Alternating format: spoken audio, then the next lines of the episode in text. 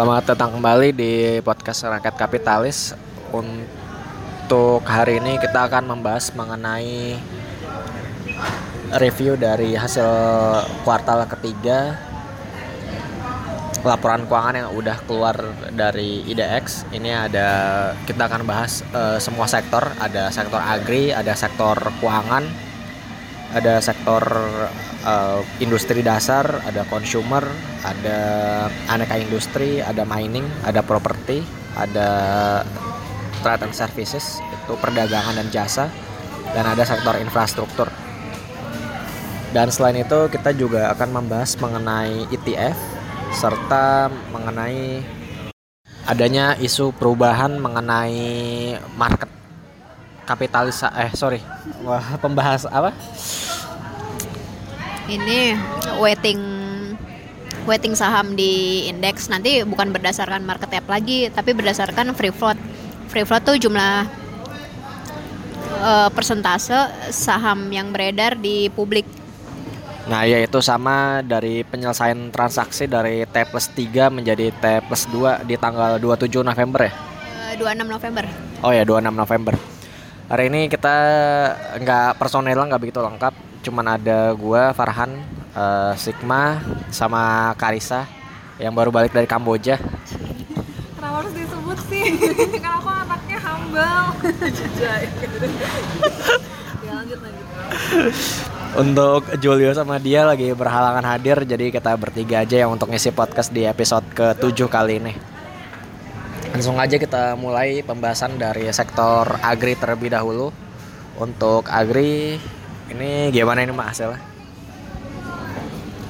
Agri itu gue baru dapat ini uh, Ali Ali Astra Agrolstar ya. Um, laba di laba di 9 month 2018 itu naik jadi 1,12 triliun. Eh sorry turun. Turun jadi 1,12 triliun dibandingin uh, 9 month 2017 itu 1,37 terus begitu juga sama BWPT BW Plantation BW Plantation ini labanya minus 266 miliar dibandingin sama 9 month 2017 209 miliar. Jadi secara rata-rata sih sektor agri 9 month ini turun gitu. Mungkin karena cuacanya lagi nggak bagus, jadi produksinya juga kurang. Harga CPO ya, Uh, harga CPO sih masih rendah ya Iya kalau nggak salah sih untuk harga CPO juga sekarang di 2000 berapa ya 2500 2400 apa 2300 ya? 2300 2300-an ya. Uh -huh. Nah, itu di awal tahun kan sempat 2600-an jadi hmm. udah turun lumayan juga dan di tahun 2017 kemarin tuh sempat sebenarnya sempat 3000-an ya. Jadi ya untuk prospek uh, sektor pertanian khususnya untuk CPO ini belum terlalu bagus sih ya kalau menurut gue pribadi sih kalau untuk sampai akhir tahun cuman emang sih beberapa ada yang bilang uh, sektor CPO ini udah bottom cuman kalau gue pribadi dari segi harga CPO-nya sendiri dari segi inventornya sendiri ini tampaknya belum terlalu bagus untuk sampai minimal sampai akhir tahun uh, ke depan sih ya nah terus kan kemarin uh, apa namanya kalau CPO kemarin ada trigger po positif itu penyerapan untuk B20 kan. Jadi di apa namanya? Demand CP demand CPO 15 persennya kalau nggak salah itu secara keseluruhan dialokasiin buat B20 gitu jadi mungkin nanti kesuksesan B20 ini bisa menjadi apa namanya? bisa menjadi hal yang positif buat sektor CPO gitu sih. Tapi mungkin ya menurut gua sih nggak terlalu efeknya nggak terlalu bagus. Bukan nggak terlalu bagus belum terlalu signifikan efeknya untuk eh, belum berasa sih sampai sekarang. Ya sema- CPO inventory-nya juga masih tinggi jadi ya untuk CPO masih belum bagus lah menurut gua. Sama ini deng. Sama demand CPO di luar negeri itu rata-rata pada turun. Dari Cina, India, Malaysia sama Eropa. Kalau Eropa itu eh, sekarang dia ada peraturan yang nggak ngebolehin eh, biodiesel ini dipakai buat eh, bahan bakarnya mereka gitu. Jadi demand ke Eropa juga turun. Sebenarnya itu juga keputusan politis ya. Mereka kan lebih banyak soybean dibandingin CPO. CPO mereka nggak bisa nanam ya di sana ya. Iya, nggak bisa. Nah, kalau mereka bisanya cuman soybean doang, jadi ya mereka ngelarang sih untuk kepentingannya mereka sendiri ya. Kalau dari India sendiri sih hambatannya dia ngenain tarif yang lebih tinggi ya. Iya. Iya, kalau nggak salah sih ada tarifnya. Kalau dari Cina sendiri sih ya masih so-so aja. Makanya itu yang sebenarnya Cina yang salah satu harapannya dari ekspor Indonesia juga nampaknya dia mulai proteksi dirinya dengan adanya tambahan tarif untuk impor CPO-nya dari Indonesia. Selanjutnya mungkin kita akan membahas dari sektor industri dasar dari semen dulu kali ya untuk ini pertama. Untuk dari semen sendiri sih di sektor industri dasar ini ada kejutan nih dari SMGR atau Semen Indonesia. Ini IPS-nya naik 43%. Di kuartal 3 ini hasilnya sangat luar biasa. Karena di kuartal sebelumnya itu di semester pertama 2018 atau kuartal 2 itu masih net apa? Pertumbuhan IPS-nya masih negatif. Kali ini di 9 bulan pertama 2018 itu ternyata hasilnya luar biasa tumbuh 43,1 persen year on year-nya. Namun kalau untuk dari segi saingan INTP yakni eh sorry sa- saingan dari SMGR yakni yakni INTP itu INTP masih pertumbuhannya masih negatif. Ini minus 60% untuk IPS-nya dan nampaknya kenapa harga si harga si SMGR ini naik cukup signifikan dari awal pertengahan Juli kemarin sampai yang sekarang. Ini juga salah satunya di drive oleh peningkatan eh, growth EVS mereka yang cukup eh, tinggi di 43%. Selain itu juga mereka kan rencananya mau akuisisi dari SMCB atau Semen Holcim Indonesia itu juga nampaknya turut membantu pergerakan dari harga sahamnya dia. Nah, kalau misalnya si SMGR ini jadi akuisisi dari SMCB, ini nampaknya akan pengaruhnya untuk industri semen eh, sangat positif karena untuk industri semen sendiri persaingannya akan semakin berkurang dan si SMGR pun juga market share akan nambah lagi dari eh, aku- proses akuisisi yang dia lakukan terhadap SMCB. Market share dari SMCB ini sekitar 10 sampai 15 persen ya. Kalau gua nggak salah sih 10 sampai 15 persen. Jadi kalau untuk SMGR gue lupa berapa. Yang jelas dia market leader sih setahu gua. Jadi kalau untuk dia akuisisi SMCB tentu ini akan menambah dominasi SMGR di industri semen Indonesia. Sekaligus juga ini untuk mengeliminasi persaingan di tingkat bawah yakni ada semen merah putih, semen dari Cina sendiri eh, lupa mereknya apa, ada semen dari Thailand juga ada.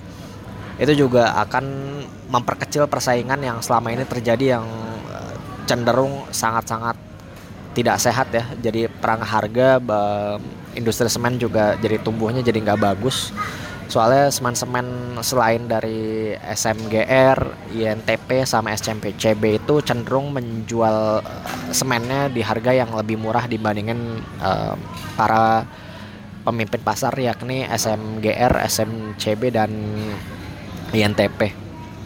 Jadi untuk outlook eh, semen sektor semen sampai akhir tahun ini gue perkirain masih positif sih untuk sektornya. Karena ada persaingan yang kalau misalnya SMGR jadi akuisisi dari SMCB ini persaingannya akan berkurang. Kemudian juga permintaan semen dari domestik juga meskipun masih single digit juga tapi cukup lumayan juga dan mudah-mudahan aja ini masih bisa berlanjut sampai akhir tahun mendatang. Selanjutnya untuk dari seme, dari sektor peternakan ini masih di bagian dari basic industry. Ada cepin juga. Ini cepin naiknya cukup tinggi yakni 60% main juga sama naiknya uh, ratusan persen juga.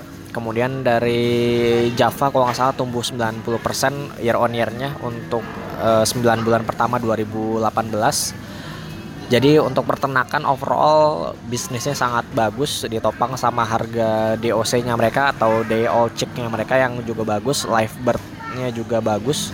Jadi sampai akhir tahun nampaknya saham-saham peternakan ini ada peluang untuk melanjutkan rally yang udah mereka capai dari awal tahun kemarin eh dari awal tahun ini 2018 dan nampaknya masih akan berlanjut sampai akhir tahun. Selanjutnya kalau dari saham kertas sendiri yakni ada INKP, Tekim.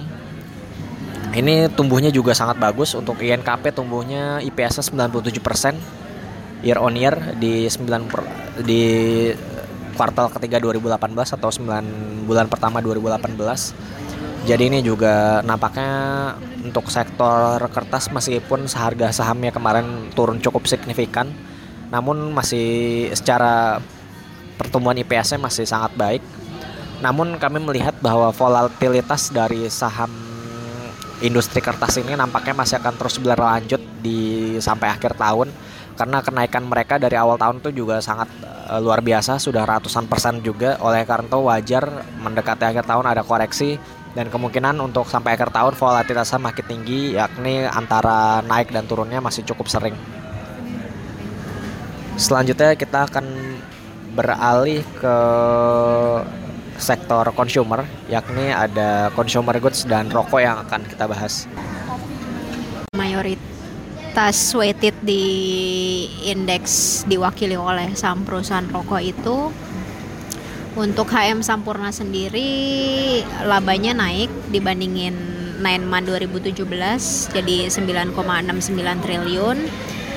Tapi untuk consumer yang lain seperti Indofood, uh, Indofood, ya Indo untuk Indofood sendiri itu dia turun sih dari 3,26 triliun jadi 2,8 triliun. Turun 12,5 persen. 12,5 persen. Year on year.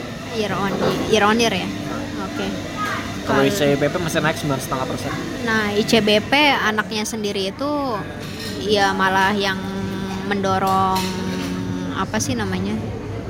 Kinerjanya. Iya mendorong kinerjanya Indofood. Soalnya di apa di CBP nggak ada CPO ya? Iya nggak ada. Kalau Indofood itu kan dia ngebawahin Indofood CBP-nya sama uh, Ali ya? Eh Elsip Elsip sorry. London Sumatera itu yang plantation karena plantation yang nggak begitu bagus jadi laba Indofood juga ikutan turun gitu sih. Terus kalau farmasi sendiri farmasi sendiri itu Kalbe ini cuma naik tipis ya dari 1,78 ke nyaris flat sih itu. Iya nyaris flat ke 1,8 triliun. Mereka juga kehalang sama apa uh, depresiasi rupiah. Sebenarnya juga untuk isu dari sektor konsumer ini juga isunya sama ya, pelemahan rupiah. Mereka soalnya bahan bakunya rata-rata dari impor semua. Gandum juga impor, yang untuk Indomie juga impor gandum. Uh -uh. Cuman si ICBP ya masih cukup bisa bagus ya. Iya, masih, masih bisa bertahan gitu. Meskipun harga pasti dia kan harga gandumnya jadi lebih mahal karena depresiasi Atau mungkin rupiah. dia udah hedging duluan ya? Ya bisa jadi kayak gitu, bisa hmm. jadi. Sama kayak si ini ya sektor apa peternakan kayak cepin Java sama main itu uh -huh. kan juga sebenarnya kan bahan bakunya 70% itu masih impor ya. Hmm. Cuman mungkin mereka udah hedging duluan makanya masih bisa ketolong untuk kinerjanya malah kinerjanya sangat bagus untuk yang dari saham peternakan. Hmm. Terus kalau untuk uh, selanjutnya mungkin kita bahas mengenai saham consumer goods yang kayak Unilever. Mm -hmm. Terus ada Oh, Unilever naik ini nih naik lumayan nih dari 5,2 ke 7,3 triliun 9 month nih. Kalau untuk UNVR sendiri sih itu naiknya karena ini ya ada pelepasan aset kalau nggak salah. Jadi, Oh, one one off gain ya berarti. Iya. Jadi mereka kinerjanya itu terbantunya sama itu aja. Jadi bukan hasil kinerja organik mereka. Jadi kalau untuk kinerja organik mereka sendiri sih kayaknya hasilnya nggak begitu bagus ya untuk UNVR. Di kuartal kedua kemarin juga hasilnya masih belum bagus. Jadi masih so-so aja, masih flat. Dan Ya, mungkin konsumsi ini sedikit flat ya karena itu suku bunga yang terus naik jadi konsumsinya tertahan gitu sih. Nah, un- untuk yang lainnya juga hampir sama ya, nggak beda jauh. Kecuali un- untuk yang roti juga hampir naik sih kalau roti ya. Roti itu Indosari Corporindo. Kalau sa ya itu kita beli roti lah itu sahamnya namanya roti juga. Kalau untuk di indeks Sari roti bukan tuh ya? Iya, sari roti. Dia sama sari ro apa eh, mereknya sari roti, sahamnya roti. Itu juga kinerjanya masih cukup ketolong ya di di kuartal ketiga masih naik dari 97 miliar jadi 103 miliar. Ya cukup baik lah. Yang paling ba- yang bagus sebenarnya tuh ini ya Sido ya, Sido muncul. Jamu tuh. Iya, jamu. Orang pada pusing ya. Dari 380 miliar jadi 480 miliar. Ini yang cukup bagus. Iya, sorry. Itu juga kelihatan dari harga sahamnya yang meningkat cukup banyak di awal dari awal tahun 2018 sampai di 2000 sampai di bulan Eh, terus lanjut ke sektor aneka industri itu paling besar weightednya di Astra. Astra sendiri laba di 9 month 2018 juga naik 17 triliun dibandingkan periode yang sama tahun sebelumnya 14 triliun. Itu kemungkinan besar ditopang sama anak usahanya Yuti. Kan kemarin sektor mining lagi bagus-bagusnya kan ya. ya sektor mining masih tumbuh 23 20-an persen lah eh, kurang tahu pastinya berapa. Terus kalau untuk As- Astra Internasional ini atau ASII itu IPS masih tumbuh 20,6 persen year on year di 9 month 2018 itu hasil yang cukup bagus untuk Astra sendiri dan meskipun otomotifnya nggak begitu bagus ya kayaknya ya Otom- otomotif sih cenderung flat, Flat eh, cenderung flat lebih ke karena UT-nya United Tractor-nya dia kan tractor-nya. alat-alat tambang kan ya. Eh, itu nah kemarin itu langsung translate ke harga sahamnya tuh.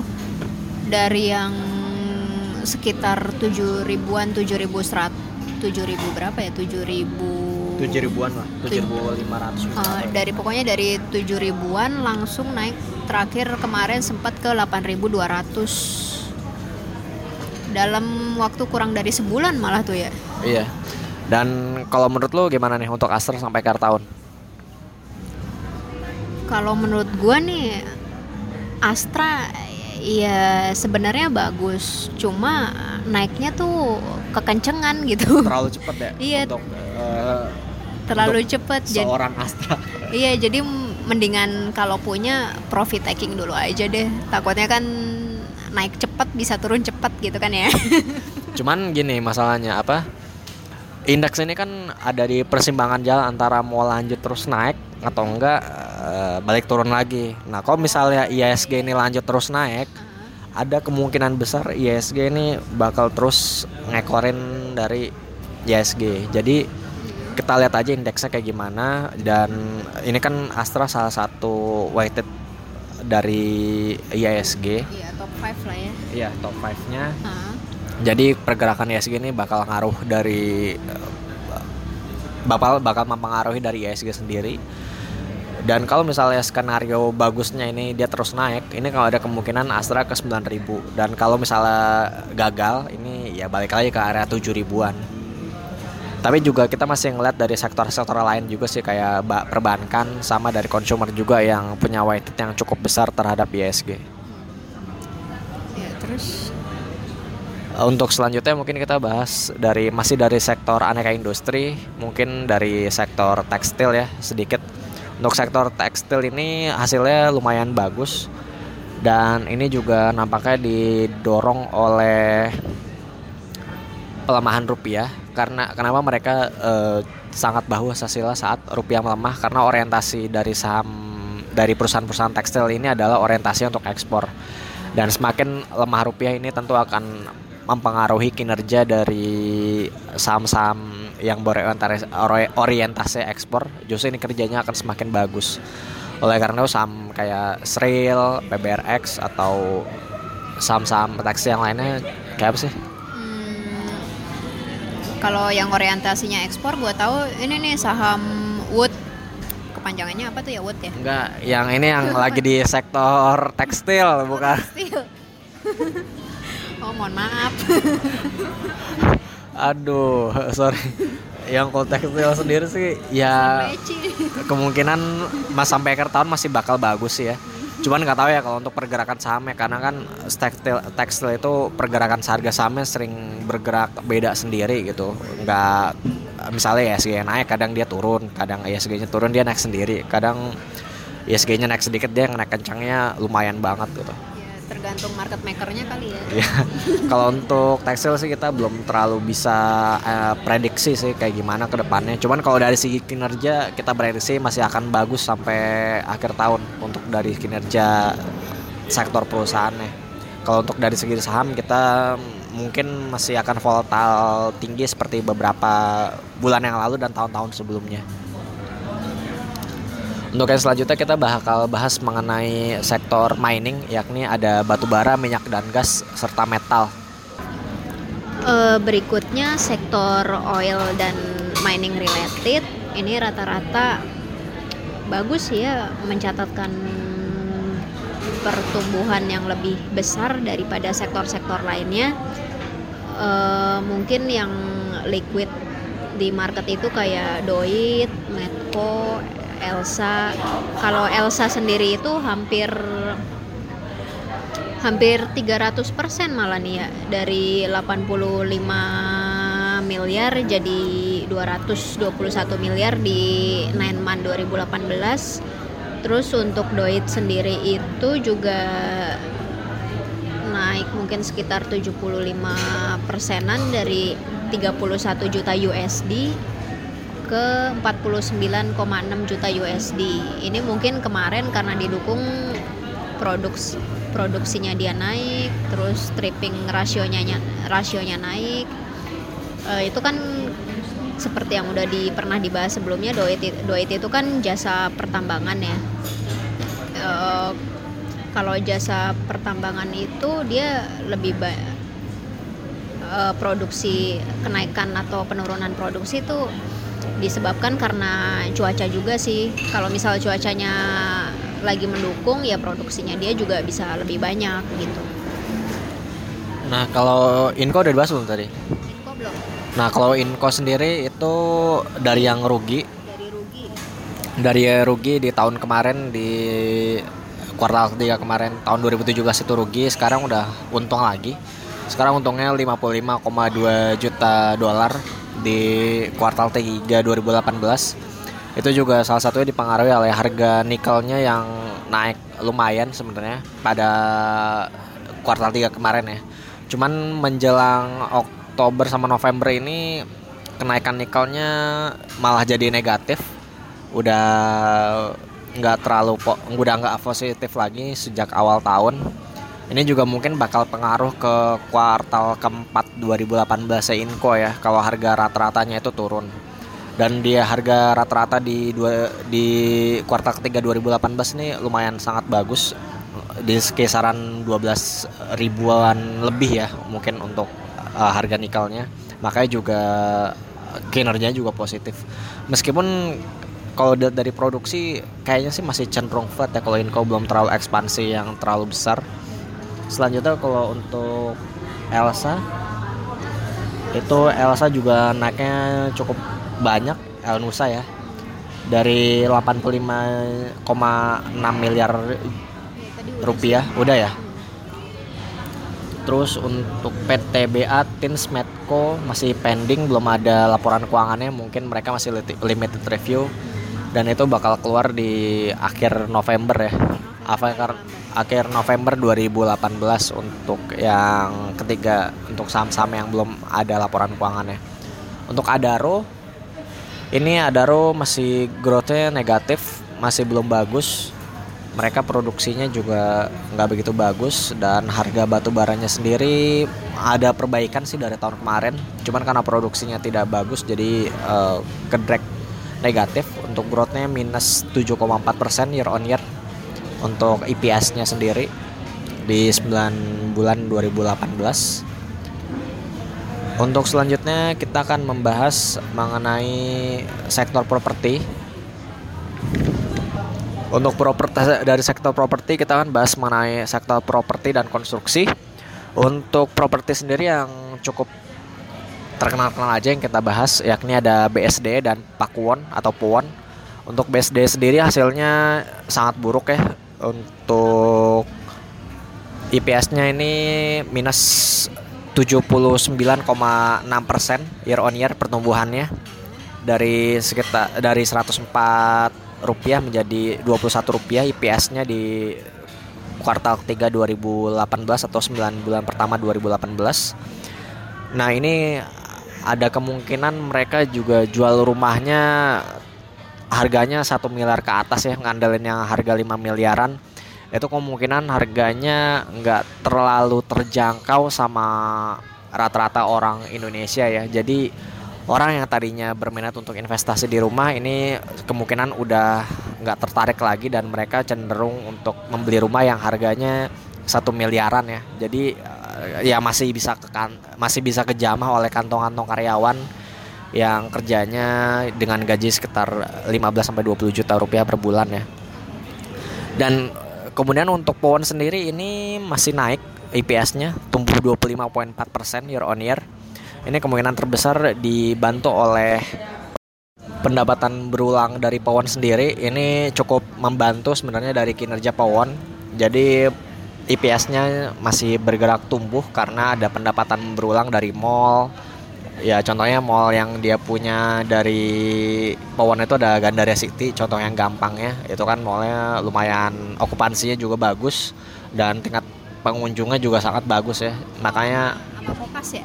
Kota Kasablanka ah iya itu kokas juga mall segala umat kalau untuk di selatan itu Gandaria City, di timur itu ada kota Kokas, kota Kasablanka. Itu orang Bekasi juga mampirnya di situ sih kemungkinan besar. Terus kalau di Surabaya kak Tunjungan Plaza. Tunjungan Plaza. Uh. Ya itu tempat berkumpulnya Crazy Rich Surabaya di situ. Jadi ya pohon banyak tertolong sama pendapatan berulangnya. Kemudian untuk dari sektor konstruksi kita akan bahas was kita aja ya mungkin ya. Was kita masih tumbuh 134% year on year-nya. Kalau untuk yang lain ini PTPP turun ya? PTPP belum ada adanya Wika nih. Wika Wika juga tumbuh sekitar segitu dari 600 miliaran sekarang jadi 800 miliar. Terus Adikarya dari 200 miliar jadi 300 sekitar 300 miliar. Ya rata-rata konstruksi tuh emang fundamentalnya bagus sih. Cuma nggak ngerti aja kenapa saham.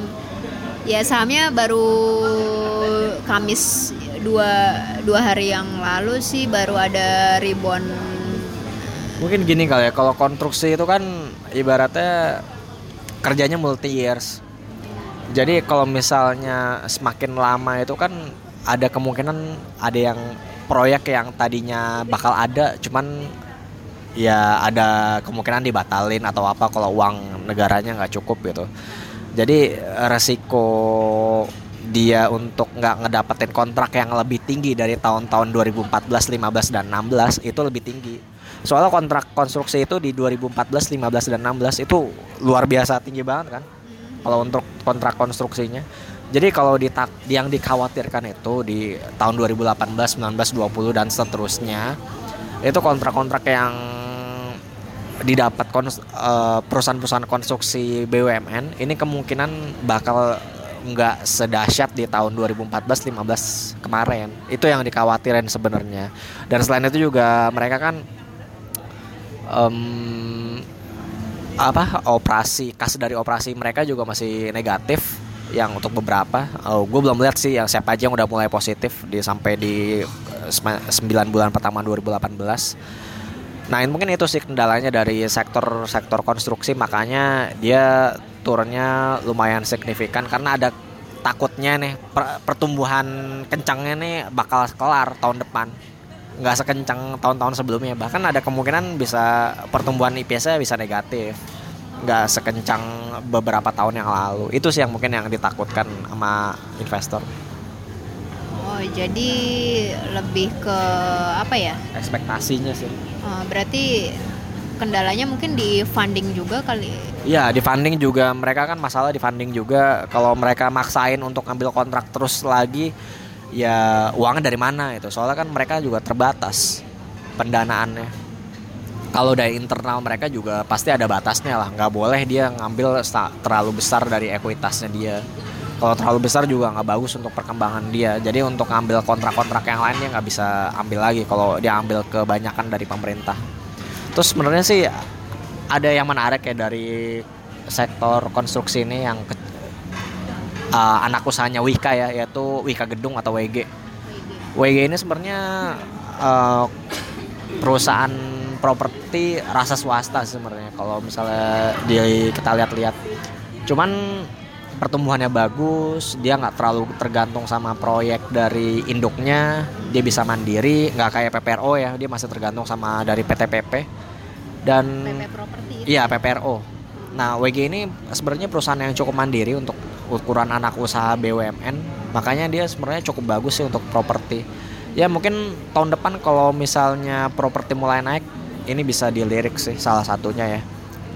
Dan prediksi gue untuk properti untuk sampai akhir tahun ini ada kemungkinan untuk rebound karena katanya sih ya pendapat orang lain juga properti ini kayaknya udah di bottom sih Bottom banget itu udah ada yang PBV-nya 0,5, ada yang 0,3 itu juga menurut gua udah sangat worth it untuk dibeli sih.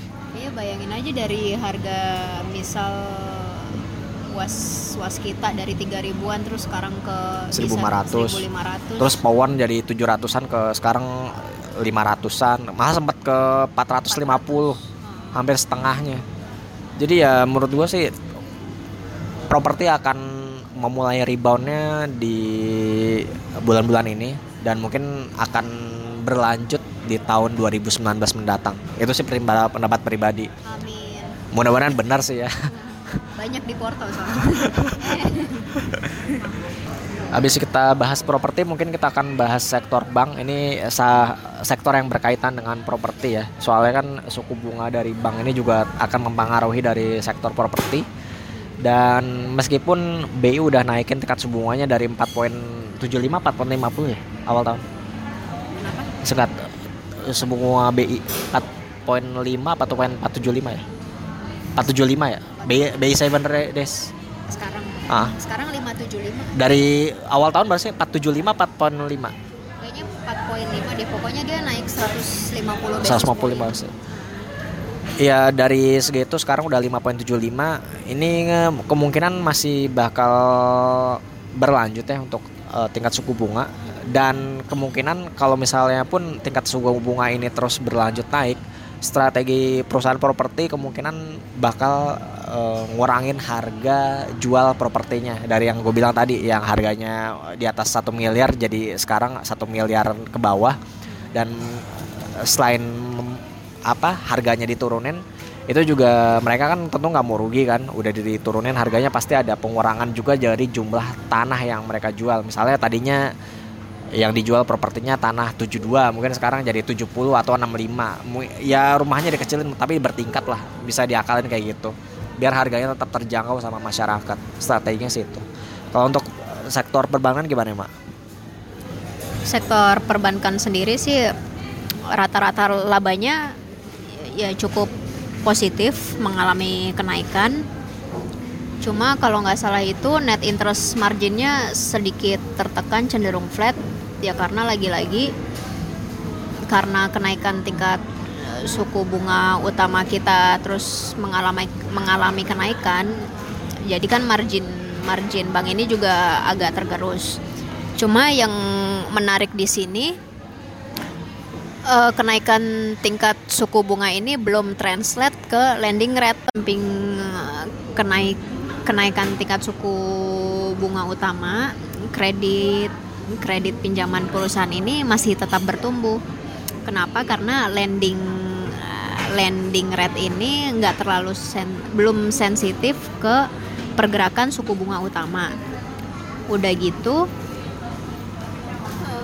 eh, kos apa penerbitan penerbitan obligasi ini kosnya itu lebih besar dibandingin dibandingin kalau perusahaan itu minjem ke bank.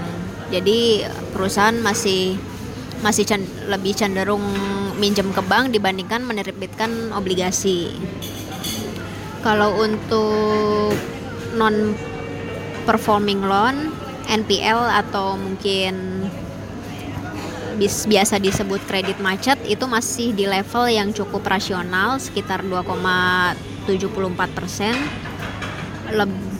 Yang improve itu di transportasi sama segmen KPR itu improve. Eh, kalau untuk Jadi untuk secara keseluruhan sendiri sektor perbankan ini masih netral gitu. Oh ya, sedikit koreksi untuk yang tadi kinerja dari kinerja dari Waskita sama Powon sama BSDE itu eh, sorry tadi salah kutip ya.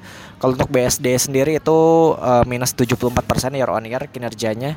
Kalau untuk Waskita itu bukan 100% ya. Untuk Waskita itu di kuartal ketiga itu tumbuhnya 45,1 persen 9 bulan pertama 2018 Selanjutnya kalau Powon itu tumbuhnya 25 per, 25,2 persen year on year di 9 bulan pertama 2018.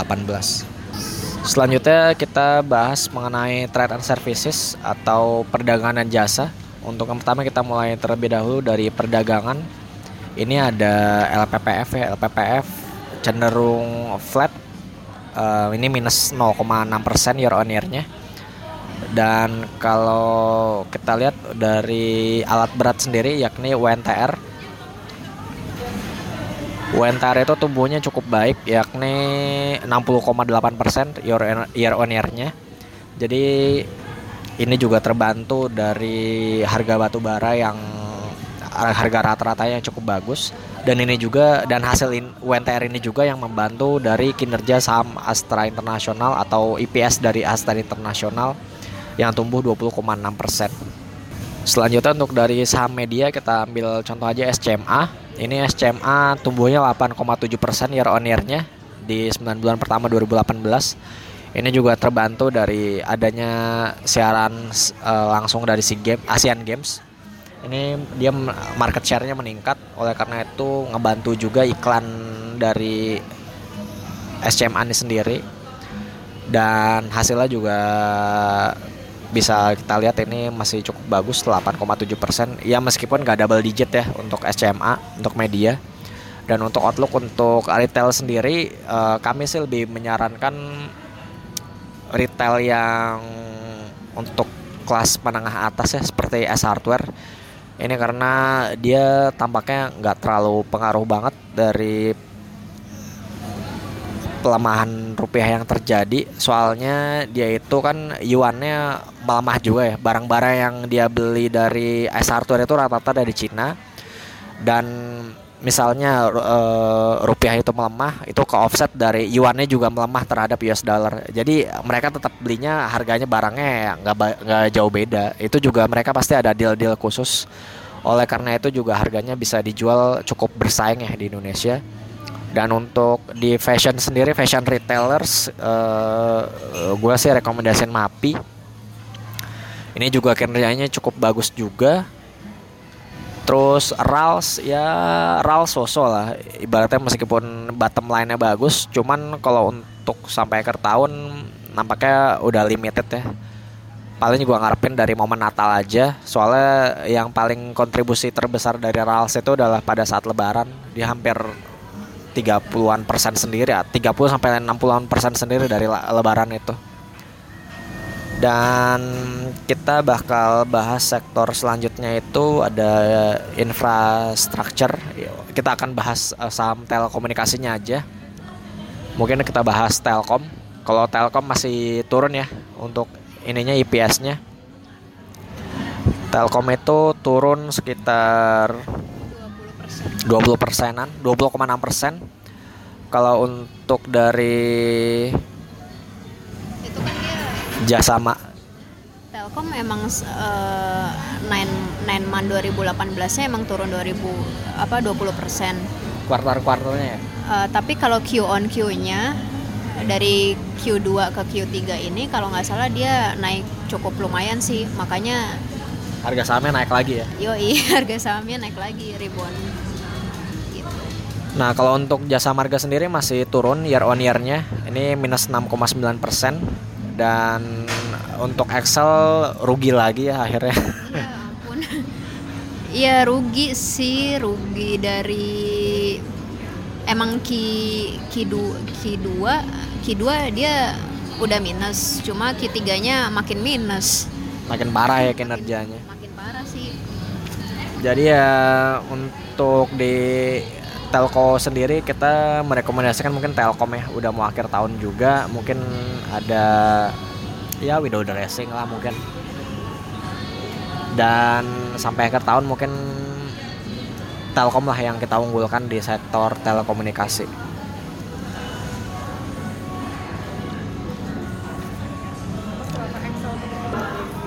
Oke, tadi untuk Excel sendiri, ini kalau sektor telco tuh di semester pertama 2018 em, apa namanya pricing competitionnya tuh lumayan agresif ya di Indonesia.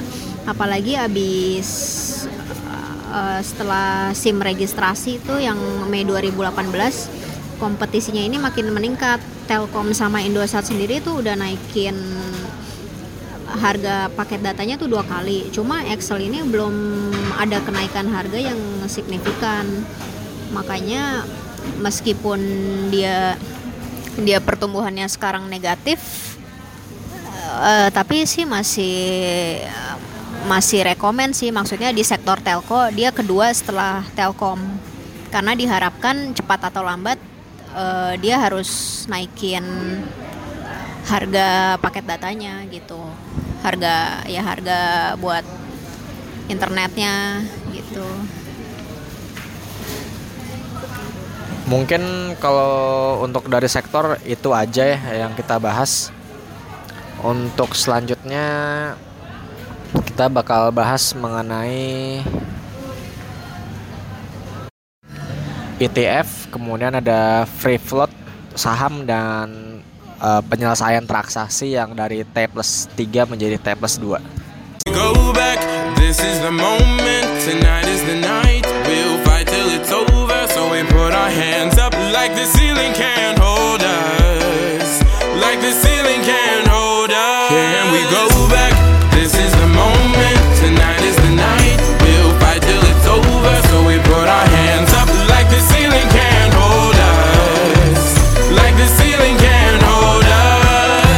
Selamat datang kembali di Rakyat Kapitalis untuk yang sesi yang kedua kita bakal bahas mengenai ETF. Ini bakal dibahas oleh Karisa sama Sigma ya. Oke. Iya sama gue deh. Oke, silakan. oke jadi ETF sendiri itu basicnya sama kayak reksadana konvensional cuma perbedaan yang paling mencolok itu kan kalau reksadana konvensional kita eh, buat tahu harganya kita mesti eh, nungguin NAV tiap pagi kan N- NAV itu apa? NAV itu nilai portofolio dibagi sama unitnya. Jadi namanya NAV per unit sih lebih tepatnya. Gitu. Cuma kalau ETF ini eh dia sama kayak sah- saham biasa gitu diperdagangin di bursa, terus harganya bisa kelihatan setiap detiknya. Udah gitu eh, ya lo nggak cuma beli satu saham gitu lo beli satu unit ETF ya, lo sama aja kayak beli sa- yun apa namanya? Satu reksadana gitu. Satu reksadana gitu satu unit portofolio eh, gitu sih nah mungkin kalau misalnya apa ETF itu kan bid overnya tipis ya dan Iya, cen- iya jadi nggak liquid sih kalau ETF itu dan biasa itu yang ngebentuk ya dari perusahaan si market maker sih mar- market makernya si MI-nya sendiri biasanya biasanya dari sekuritas sih yang market makernya itu Iya, sekuritas. Eh, maksudnya nggak liquid? Maksudnya nggak liquid gimana? kalau nggak liquid itu ya kecil. susah mau mau be- beli bisa jual nggak susah Nah iya mungkin satu hari mungkin satu hari itu nggak ada satu miliar kali ya. Iya, kurang merhatiin juga, cuman yang jelas eh, nggak liquid sih dibandingin sama saham sendiri. Kalau em, pertanyaannya, kalau misalnya lebih untung mana sih kita eh, transaksi dari ETF, s- eh, saham sendiri atau dari reksadana? Em, kalau misal kita beli ETF di market kan biasanya kena fee fee jual, fee beli kan. Fee kalau total fee mungkin sekitar 0,5% tuh kenanya jual beli. Cuma kalau misal beli reksadana itu eh, tergantung tergantung masing-masing manajer investasi sih. Misal ada yang ngenain fee maksimal 5% gitu. Bukan maksimal tiga ya? 5. Ah, lima. Oh, Tergantung MI-nya sih. tergantung MI-nya sih emang. Itu setahun ya? Iya. Ha-ha. Eh Jadi- setahun. Eh maksudnya tuh reksadana kan? Oh iya reksadana. Tiga persen setahun kan? Per tahun kan? Iya per tahun. Kalau dia tuh tiga persen per tahun, per annum, bukannya per hari. Rugi dong per hari. Oh iya fee per tahun. iya per tahun, fee per tahun. Kan ada fee jasa kustodian juga kan, kalau kayak gitu gitu.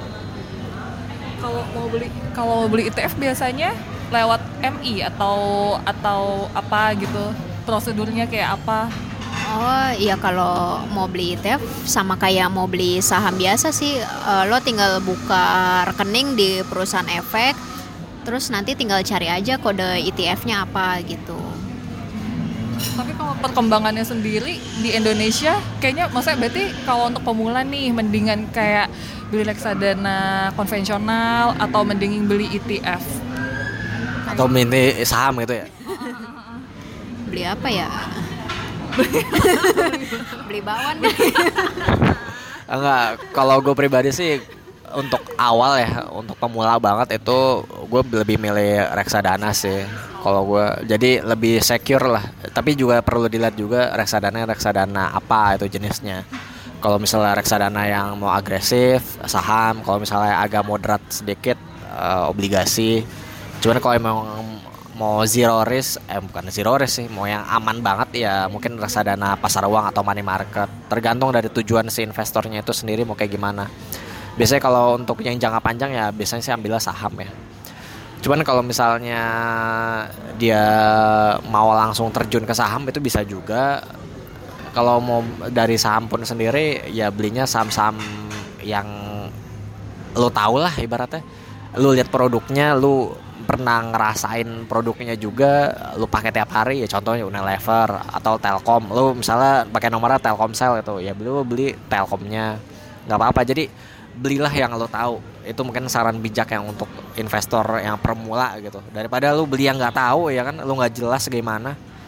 Itu lebih menyulitkan lagi. Nah, setelah lu tahu saham yang lu beli, lu bisa lihat lagi laporan keuangannya kayak gimana laporan keuangannya bagus apa enggak tumbuh apa enggak dari kuartal kemarin atau dari eh, satu tahun yang lalu itu gimana laporan keuangannya bagus apa enggak setelah itu kita lihat lagi dari PI-nya atau price to earning-nya price to earning-nya dibandingin industri dia sejenis tuh kayak gimana. Misalnya Telkom Telkom sama Excel sama Indosat. Itu Telkom itu termasuk murah atau mahal di antara satu industrinya itu sendiri. Itu juga perlu dilihat. PI PBV-nya juga sama. Marginnya kalau perlu mau margin sih. Ya cuman ya investor itu buat apa beli margin? Iya paling dilihat dari PI sama PBV-nya aja sih paling itu aja. Sama teknikal sih paling. Eh, terus mungkin nambahin tadi eh, apa sih mungkin ETF ini kan agak-agak mirip sama reksadana indeks ya. Eh, itu dilihat kita lihat bagus enggaknya suatu ETF itu di dibandingin sama eh, return indeks acuannya. Misal ETF LQ45. Kalau misal return LQ45 satu tahun 6%, nah dia mesti mendekati 6% itu atau mungkin sama persis gitu. Jadi makin kecil selisih selisih selisih return dengan indeks acuannya yaitu semakin bagus sih gitu. Nah kalau misalnya itu kan tadi udah gue jelasin ya untuk yang saham kayak gimana. Jadi kalau menurut gue pribadi dari yang ketiga itu untuk pemula eh, lebih ke saham sama reksadana sih kalau gue pribadi sih. Mungkin itu ya. Mungkin lebih paham ya. Iya lebih paham sih kalau ETF kan selain nggak liquid juga pergerakannya nggak bisa kita nggak bisa kita lihat terlalu jelas juga. Kalau misalnya saham itu bisa kita lihat dari fundamental sama teknikalnya, teknikal dari grafiknya dia lah ibarat. Selanjutnya kita akan bahas mengenai free float yang rencananya akan dijadikan sebagai acuan untuk ini ya apa indeks weighting index dari ISG. Ya, jadi kan kayak tadi udah dibahas pertama eh, weighting index kita sekarang itu kan dari jumlah market cap paling besar kan ya. Nah, kalau eh, kalau nggak salah nanti mulai Januari eh Januari sorry eh, Baru wacana kan? baru wacana ya. Kayaknya sih baru wacana deh. Oh, abis kalau nggak salah ada yang gue lihat berita di mana ya itu mau mau diimplementasiin tuh Februari 2019 sih kalau nggak salah. Kalau misalnya Februari 2019 bakal ada rebalancing sih. Da rebalancing itu juga pasti bakal ngaruhnya ke mana-mana itu. Iya, jadi kalau misal pakai free float eh, itu berdasarkan Jumlah saham yang beredar. jumlah saham yang beredar di market ya. Kayak misalnya mungkin eh, free float kan sekarang eh, market cap paling besar di ISG itu kan BCA. Terus HMSP salah satunya. Nah, eh, kalau nggak salah BCA itu free floatnya 40% ya. Iya 40 persen. 40%. Nah, se- sementara eh, Telkom Telkom itu hampir 50% 49 49. 49 ya. 49% kepemilikannya itu di publik. Jadi bisa aja nanti eh, Telkom itu weighted pertama di IHSG, habis itu baru BCA gitu. Jadi tergantung kepemilikan saham publik di market sih nanti. Nah itu juga nanti yang bakal ngegeser itu si HMSP sama si Unilever. Kan itu cuman eh, Unilever kalau nggak salah masih 15 persenan ya. Itu juga bakal jadi turun untuk peringkatnya nggak yang terbesar lagi. Jadi ya bakal ada rebalancing. Nah Cepin ini juga yang menarik nih Cepin bakal naik eh, salah jadi salah satu weighted juga karena free float ini 44% dan kalau misalnya dia beneran jadi pra, jadi free float ini Cepin juga bakal jadi indeks acuan juga sih. Makanya juga kalau kita lihat itu Cepin naiknya luar biasa banget dari beberapa bulan yang lalu. Nah mungkin juga mungkin asing udah tahu duluan sih bakal ada perubahannya kayak gini. Makanya Cepin ini diborong habis-habisan kemarin sama asing juga. Nah sahamnya juga naik luar biasa cukup banyak ya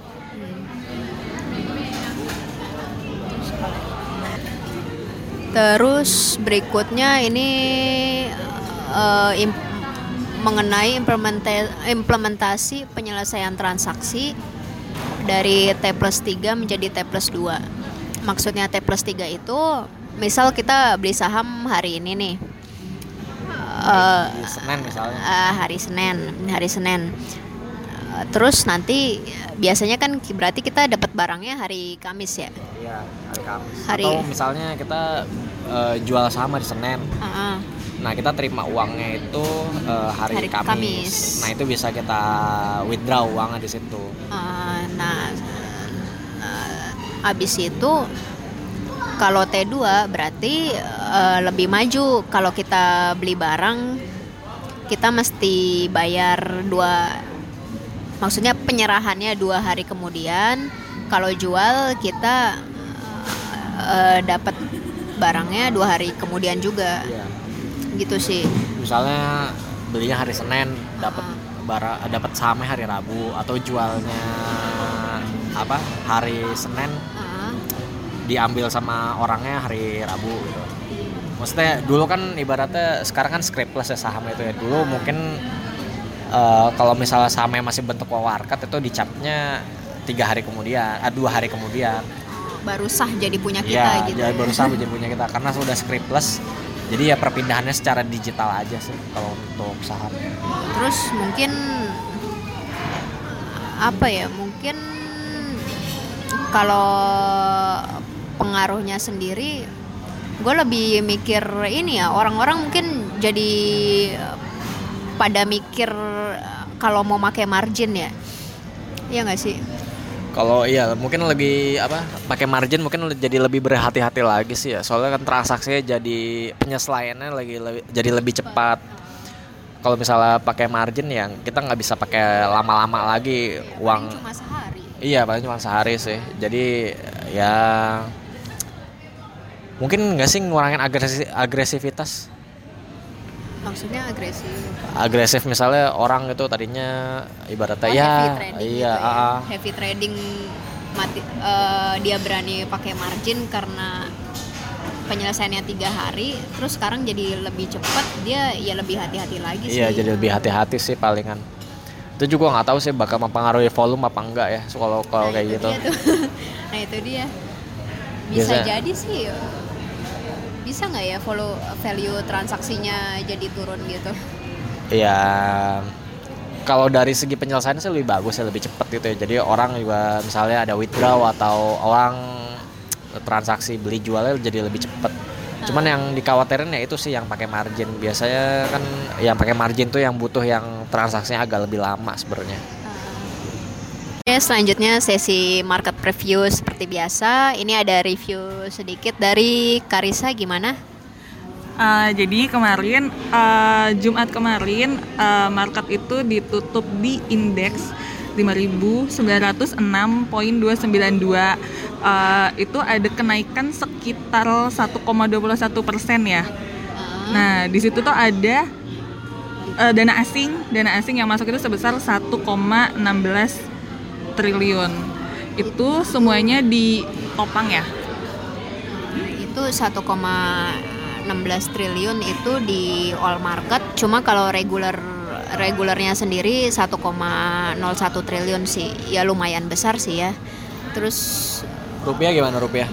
rupiah itu menguat dari minggu kemarin di 5000 15.200-an sekarang mungkin udah 15081 ya kalau nggak salah. Terakhir kayaknya 14.9 deh. 14.9 udah nyampe. Wow, ya lumayan. Kira-kira kapan Ya. dia melemah? Eh kira-kira kapan dia melemah? Kapan rupiah melemah? Mungkin nanti kalau akhir tahun Fed rate-nya dinaikin lagi kan kita juga bakal nyusul naikin tingkat suku bunga lagi kan ya. Nah ya kayak gitu. Nah ini sebenarnya penguatan rupiah ini sebenarnya ada ya, karena ada indikasi bahwa cadangan devisa kita akan tumbuh untuk pertama kalinya sejak Januari ya. Soalnya cadangan devisa kita ini akan diprediksi kembali tumbuh sebelah sebelumnya itu selalu turun-turun terus. Terakhir kan posisi 114 juta eh Pak 114 miliar dolar ya. Bener kan ya? 14 miliar ya? Iya, 114 miliar dolar. Nah kemungkinan untuk bulan Oktober ini bakal naik lagi sih soalnya pemerintah nabang nambah utang dalam USD itu juga nambah cadangan devisa kita juga. Jadi bukan karena kinerja dari ekspor impor kita ya, karena dari utang. Dan itu ya salah satu strategi jangka pendeknya lah ibaratnya untuk mengatasi cadangan devisa. Nah sebenarnya sih kalau dari indeks kemarin itu naiknya juga karena Hang Seng itu juga naiknya cukup tinggi ya kemarin sekitar 4 persenan. Itu juga menyusul dari Trump sama Presiden Trump sama Presiden Xi Jinping ini juga mereka katanya mau ya mau damai lah ibaratnya. Nah dari ibaratnya pas dari mau damai itu sendiri ya si Trump nih malah ngeluarin yang aneh-aneh nih Apa tuh? di twitternya the sang the sanction is coming Sanksi buat apa tuh? ya gua nggak tahu kayak buat Cina sih maksud gua ya lu ngapain sih kayak gitu-gitu di Twitter gitu ya? Kalau misalnya ada kesepakatan kesepakatan yang ibaratnya bakal kayak sanksi atau gimana ya lu rumusin berdua aja lah antara negara yang satu dengan yang lainnya. Gak usah lu umumin pakai di Twitter segala. Itu sebenarnya bikin market ibaratnya wah ibaratnya yang udah bagus jadi kayaknya kesannya kayak jadi kayak jelek lagi gitu loh. Maksud gua Iya tindakan-tindakan itu yang nggak perlu sih sebenarnya. Nggak tahu ya dia itu salah satu strateginya dia buat ngadepin pemilu sela nanti atau gimana gue juga nggak tahu. Soalnya kan katanya di pemilu sela nanti kan dia bakal katanya ngajuin tax cut lagi buat eh, PPH buat pribadi. Itu jadi jadi sekitar 10% ya. Nah itu juga bakal memperlebar de- anggaran defisit anggaran mereka juga kan kalau misalnya eh, em, yang tax cut itu dilolosin lagi soalnya kan tax tax cut dari korporasi kan da- udah diturunin ya dari 35 ya ke 15 kalau nggak salah. Nah ini yang dia si Trump ini mau nurunin lagi taxnya dari yang si pribadi mereka. Nah, PPH gitu. iya PPH-nya. Kalau misalnya taxnya ini diturunin lagi, growth ekonomi growth dari Amerika Serikat ini sendiri ya bakal makin naik lagi untuk kuartal selanjutnya, di kuartal 4. Kalau misal dia jadi dan lolos ya eh, rencananya itu. Nah, kalau misalnya si eh, tax cut-nya itu jadi, nah itu juga pasti bakal ngedorong inflasi lagi dan udah pasti the Fed juga bakal lebih naik lebih agresif lagi untuk naikin tingkat suku bunganya. Namun yang perlu kita garis bawahi kalau misalnya si si apa rencana Trump itu yang untuk motong eh, pajak 10% itu gagal, nah itu juga pasti bakal positif sebenarnya buat kita. Soalnya juga mereka kan si US juga nggak terlalu agresif, pertumbuhan ekonominya juga pasti ya bakal nggak terlalu seagresif dari kuartal-kuartal sebelumnya. Dan dan asing juga pasti bakal ke sini lagi karena pertumbuhan Amerika kelihatannya udah nggak menarik lagi sih. Kalau misalnya dia tumbuhnya jadi tumbuh lebih melambat. Nah yang kita yang direpotkan itu kalau misalnya tes cut-nya itu jadi dan ekonominya si US itu tumbuh lebih cepat lagi daripada yang sebelum-sebelumnya. Itu yang direpotin sih sebenarnya. Terus ini ya, menurut lo tuh ini asing udah mulai masuk ke saham-saham big cap kita itu karena lebih disebabin apa ya? Kalau menurut gue sih asing masuk ke kita ini juga bukan yang pertama. Di Oktober kemarin juga kemarin sebenarnya mereka udah masuk. Cuman keluar lagi. Maksudnya ibaratnya dia yang kita harapkan dari asing ini ya sustainable-nya sih sendiri sih. Ibaratnya mereka mau sustain di sini apa enggak gitu. Dan balik lagi ke rupiahnya. Rupiahnya nih masih bisa terjaga nggak di level yang sekarang? Jangan sampai dari dari 15.200 lepas lagi ke 15.600 itu yang ibaratnya unexpectednya tuh di situ sebenarnya. Yang perlu dijaga itu kestabilan rupiah sama cadangan devisa kita. Kalau bisa sih kembali naik lagi ya dari 114 miliar dolar sekarang. Itu sih yang penting. Abis kayaknya kalau dilihat dari Jumat kemarin maksudnya eh, masuknya tuh lebih Ba- ma- banyak ya. lebih masif daripada sebelumnya. ya di Misal obligasi juga masuk ya. Eh, misal kayak Astra sendiri aja Jumat kemarin itu asing net net buy ya, net buy sekitar 150 miliar gitu. Terus harganya juga nembus resisten semua gitu. Nah makanya kalau dari ISG sendiri kan sekarang masih di persimpangan jalan. Udah di resisten nih sekitar 5900an Cuman nggak tahu nih bakal terus lanjut lagi apa enggak untuk ISG nya Mudah-mudahan sih terus lanjut ya. Kalau misalnya minggu depan nggak ada aral melintang dan Pertumbuhan ekonomi kuartal 3 kapan ya diumumin ya? Q3 ya. Ini tanggal berapa sih? Kayak pertengahan bulan ini sih ya Iya itu berarti nggak nggak beda jauh sama ini ya pengumuman repo rate ya kan dia biasanya pertengahan juga kan Iya, bentar ya. Mungkin eh, kita cek dulu eh, bener apa enggak untuk eh, pertumbuhan ekonomi ini. Nah, setelah kita cek untuk pertumbuhan ekonomi ini bener ya di tanggal 5 November hari Senin mendatang itu ada pertumbuhan ekonomi kita di year on year year on year di kuartal ketiga 2018 ini konsensus memperkirakannya 5.15 sebelumnya itu di kuartal 2 itu 5.27 year on year-nya kalau menurut gua pribadi sih mungkin agak miss ya dari pertumbuhan ekonomi ini. Mungkin bisa di bawah 5.15 ya kalau menurut gua pribadi. Soalnya ada tekanan juga dari ekspor impor kita ada tekanan juga dari konsumsi kita mungkin. Itu sih menurut pendapat pribadi ya kalau menurut lo gimana?